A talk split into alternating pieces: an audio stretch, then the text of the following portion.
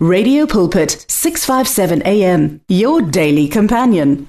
Kulohlelo lapho sithi khona mphatlalatsane ngilithathe leli thuba ekseni kungolosihlanu ngikubingelela mlaleli egameni elihle igama lenkosi uJesu Kristu wasinisa ngiphinde ngibona kubahle enhlapho ukusibusisa ke ngaleli thuba bahle uNkulunkulu akubusise. Mlaleli sisaqhubeka ke nendaba yethu. Sikhuluma ngeziphiwo zikamoya ezahlukeneyo nokuphathwa kwazo mlaleli. Sibonile ke iviki eviki lendlule ukuthi isiphiwo sokuqala isiphiwo somusa mlaleli. Kunabantu abanomusa ngendlela engakazi ibonwe. Ngakho ke lo musa wenza ukuba ibandla likhule mlaleli. Umsebenzi kaNkuluNkulu uqhubekele phambili.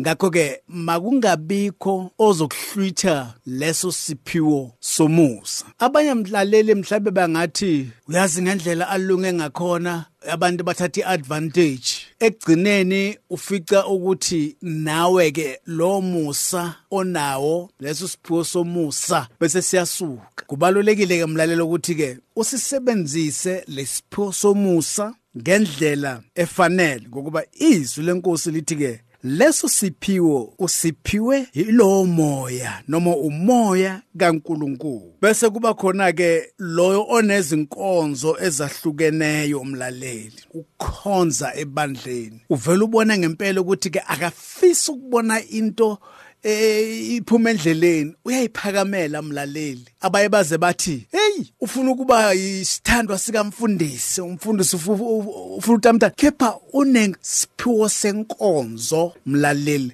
sokukhonza abazalwane sokukhonza ebandleni. Abaye baze bahlekise ngaye futhi kepha unesiphiwo sokukhonza. Uma ekhona izinto zonke ebandleni zihamba kahle. Ngakho ke nawe konaleso siphiwo leso sokukhonza akumelanga usidedele noma uvumela abanye abangenaso lesiphiwo sokukhonza bakuhlwithe sona. Nawe nosiphiwo somusa mawungavumeli abantu abangenawo umusa abanganaso isiphiwo somusa bakuhlwithe leso siphiwo leso. Sebenzisa isiphiwo somusa sebenzisa isiphiwo sokukhonza ukuze umsebenzi kaNkuluNkulu uqhubekele phambili.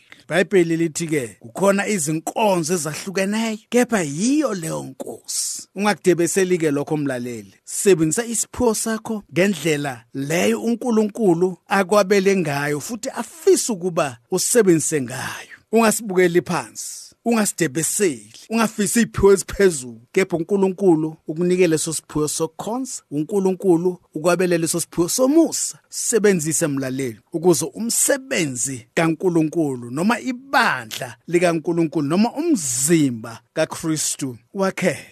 Bese izwi lenkosi uma seliqhubeka lethi kukhona imisebenzi yamandla eyahlukeneyo mlaleli. Imisebenzi yamandla eyahlukeneyo. Ngamanye amagama mlaleli uma unaleso siphiwo leso imimoya emibi ayidlaleli lapho. Uma ukhona ebandleni even nama uyakwazi ukusensa ngoba unesiphiwo leso uNkulunkulu akuphe sona ukuze umsebenzi wakhe wakheke. Hayi isiphiwo sokuloku khomba abantu uyathakatha wena. Hayi isiphiwo sokuloku khomba mlaleli ngivamisile ukusho ukuthi uma uNkulunkulu akwambulele ukuthi kukhona okungahambi kahle ngomuntu othize ngamamagama kumele kube wena ozodilisha naye ngayo akumelanga lokhu uma phambili ukhomba abantu uNkulunkulu ungambulela ukuthi nanga umthakathi.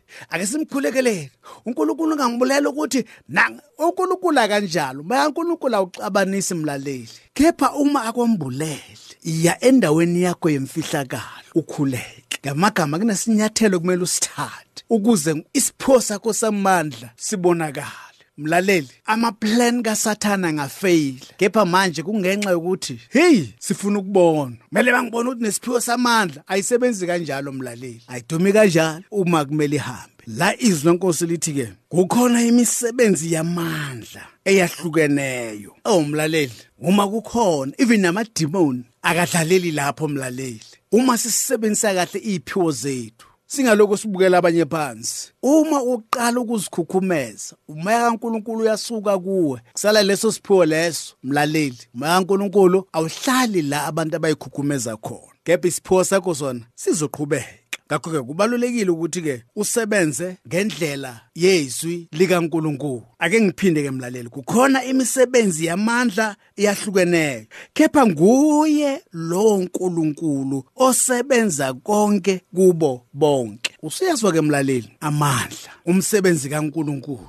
uNkulunkulu kwabele iphiwo ezahlukahlukeneyo zamandla. Uma kukhona labo bazalwana abanga identify leyo iphiwo lezo hayi ukuthi umacetha besathi ha mina ke sengiyoshaya isicagogwana sami lapha yana omunye asuka elelele ngoba mina ngineziphiwo Eh eh ukwakha umzimba kaKristu kumele kube khona ukuzithoba usebenzise leso siphiwo leso ngendlela efanele. Lalela ke ziyalingana zonke lezo iphiwo ngoba sinikwe umoya kaNkuluNkulu munye sanika uNkulunkulu eyedwa mla wasabela leiphiwo lezo. Ngakho ke usabele ngokulingana. Ukufana nezitho zomzimba wethu nebandla neziphiwo lezo kumele zisebenze ngendlela efanayo mlaleli. Bese ke iBhayibheli lithi ke kepha yilowo nalowo uphiwe okubonakalisa umoya kube ngukusiza mlaleli. Asiphoanga nje leyo iphiwe ukuthi ke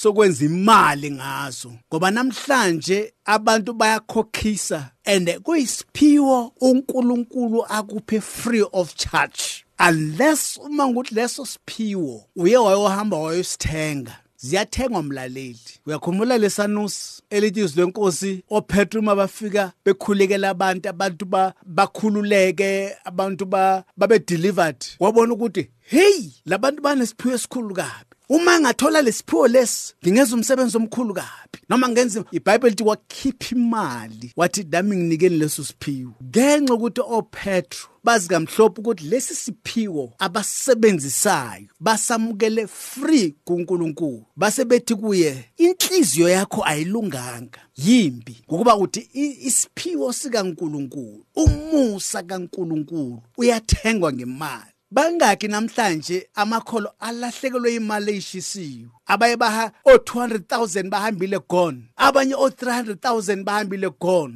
Abanye mlaleli imali eyishiso o millions bahambile. Ngenxa yabantu abadayisa ngesiphiwo uNkulunkulu abaphe sona bese mina ngithi ke uma ukuthi leso siphiwo usithengile yes ungasebenza ngemali leyo. Ngakho ke bheka ke wazi ukuthi leso siphiwo akusona sikaNkuluNkulu awuphanga uNkulunkulu. Ngoba uJesu uthi ke namukelisiwe ngesihle phanini ngesihle nani? Manje izwi lenkosi lathi ke kepha yilowo nalowo uphiwe okubonakalisa umoya kube ngukusiza mlaleli. Asiphwanga nje kuphela ukuthi sihlala sithi dexa bese siyakhonza kodwa iBhayibheli lithi ke sisize mlaleli ekwakheni umzimba kaKristu. Ngenxa yesikhathi ake sithi la sizoqhubeka bahle intambo kwezakho ekhaya mlaleli. The words of the Lord are words of life. Your heart is on 657 AM 657 AM radio for believers in action